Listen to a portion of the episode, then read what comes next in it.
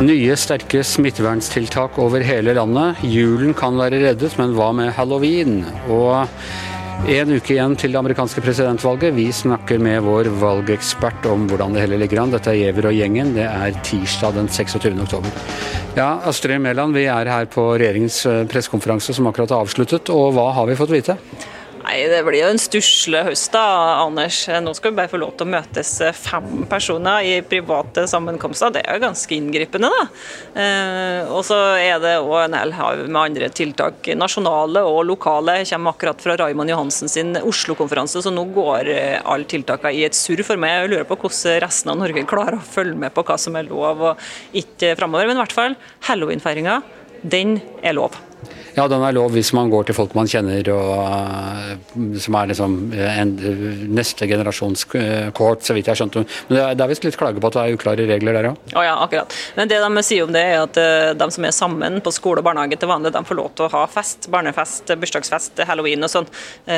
Så det er litt milde regler for barn og skolebarn og barnehagebarn, da, tydeligvis. Men ellers så er det for voksne så er det altså da ikke lov til å møtes i noe særlig grad. Og hvis vi skal møtes, så må vi gjøre det på bar eller utested, men da må vi ha på munnbind. Iallfall i Oslo når vi, når vi kommer og helt til vi har satt oss. Ellers så stenger jo serveringa tidligere i Oslo, og, og nasjonalt så og nye karanteneregler for arbeidsinnvandrere som har stått for en god del av smitten, sier regjeringa her nå, de siste ukene. Og det er en masse andre tiltak som altså da skal vare helt til ja, rundt 1.12., så den første luka i adventskalenderen i år, det er vel ja, du får, du får være sammen med ti. Du får gi fra deg munnbindet, munnbindet ditt. Men vi merker jo liksom at det begynner å bli en trøtthet nå. Nå var det en ikke veldig stor demonstrasjon, men dog en demonstrasjon utenfor Stortinget i går hvor de drev og klemte hverandre i, uh, i protest. Og jeg merker jo også på sosiale medier rundt omkring at den samme forståelsen som man hadde i mars, den har man ikke helt nå. Er det derfor de også må stramme til? Er det liksom to forskjellige linjer som peker mot hverandre her? Ja, For det første så tror jeg ikke motstanden er så stor. De 150 som sto foran Stortinget var nok ganske skuffa for det ikke ble 1000. De håpa på mye flere. og Vi har jo sett på galluper at støtten til regjeringa er ganske sterk i Norge. Vi har jo forresten de mildeste tiltakene i hele Europa, minst smitte i hele Europa. Sett bort fra litt rare land som Hviterussland som ikke tar korona på alvor. Eh, så det er ikke så fryktelig synd på oss egentlig, da, når vi ser det i perspektiv. Eh, og det som er, er at eh, folk i Norge ser jo at det er lite innlagte foreløpig. Det som er på respirator? Det tror det er tre eller fem, jeg kommer ikke på men det er lite. Eh, så det er jo ikke slik at vi er så skremt som vi var i mars. Eh, og så var jo helt sikkert smittetallene mye mye høyere i mars enn de er nå. Det er bare det at eh, nå mener jeg FHI at de plukka opp en halvparten av alle som er smittet, for de testa så innmari mange. Mens i mars-april så plukka de kanskje opp bare 10% Så det var jo mye mye verre. Sånn at vi er jo ikke helt skremt nok, i hvert fall ikke er helt skremt nok nå til å holde meg inn sånn som vi gjorde i mars. Da var det jo helt tomt i hovedstaden. Men får man da effekt av disse nye forslagene, hvis folk har litt den holdningen som du skisserer at du har nå? ja, altså, jeg, tenkte, jeg må bare understreke at jeg følger smittevernrådene, selvfølgelig. Men jeg tror det er vanskelig, fordi eh, når vi ser på Belgia nå f.eks., der begynner de å få sprengte sykehus. og det det er sånn hver gang. ikke sant? At det, Vi tar det først på alvor når du blir skikkelig redd. og Det er jo det her som er det er jo egentlig, ja, det er det som er krisen. Vi håper at uh, Norges befolkning også skal følge reglene, sånn at du slipper å bli Belgia. Men uh, ja, det er en del uh, som syns at det er, som er krisetiltakene, selvfølgelig, men òg tegn på at det ikke er så ille som i første bølge da, i og med at ja, det er mange unge som blir smitta, og det er få som blir syke. da.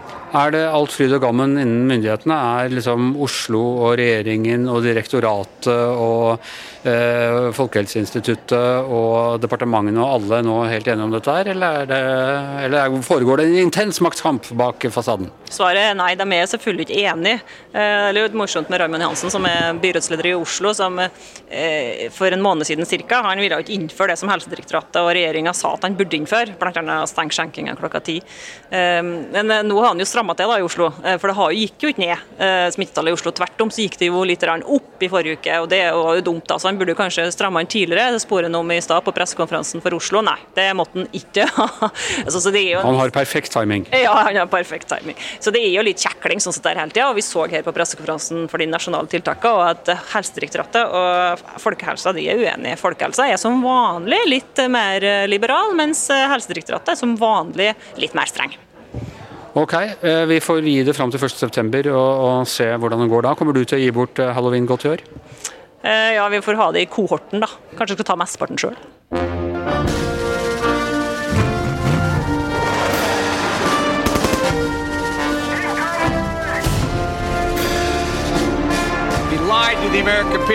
Joe Biden is a weak person. Ja, Ketil, det er en uke igjen har det skjedd noe den siste uka? Har debatten og uh, Hunter Biden og sånn påvirket det i det hele tatt? Nei, Det er litt sånn som vi har diskutert hele tiden, at det har vært forbausende stabilt hele veien. Og, og, debatten endret jo lite. Det er 60 millioner som har stemt eh, eh, allerede. Så hvis vi ser på snittet av nasjonale målinger og ser på en del av de prediksjonsmodellene vi har vært innom eh, tidligere, så virker det som om bildet er omtrent som det var eh, forrige uke og at Biden ligger på en sånn ja, 20 altså sånn, Det er en ca. Sånn 20 sjanse for at Trump kan, kan vinne, og, og 80% Biden. Litt avhengig av hvordan du vekter ting, da. Ja, for Var ikke det 12-13% sjanse for Trump forrige uke? Jo, men sånn som vi diskuterte innledningsvis, ikke sant? Du har 50 sjanse til å få rett uansett. Det finnes mange ulike modeller. Bettingmarkedet sier 35% Nate Silver sier 12% Men jeg så Nate Silver innrømmet her på Twitter at kanskje var det jo egentlig 35 så dette, dette, her er statistikk. Dette er mennesker som leker seg med, med, tall. Men så tror jeg bare alle som driver med samfunnsforskning, vet jo at vi har nå i over 100 år forsøkt å predikere samfunnshendelser med eh, veldig lite hell. Men er det du sier at det er egentlig helt 50-50? Eh, det jeg sier, er at det er en god sjanse for at Trump kan også vinne. Hvor stor den sjansen er, er veldig vanskelig å tallfeste. Og Grunnen til det er at det er veldig få som deltar i valget i USA. Presidentvalget ligger ca. rundt 60% Så hvis valgdeltakelsen øker hos noen grupper, så kan det få enormt store utslag. og Det er derfor de bruker så utrolig mye tid og krefter nå bare på å mobilisere velgere.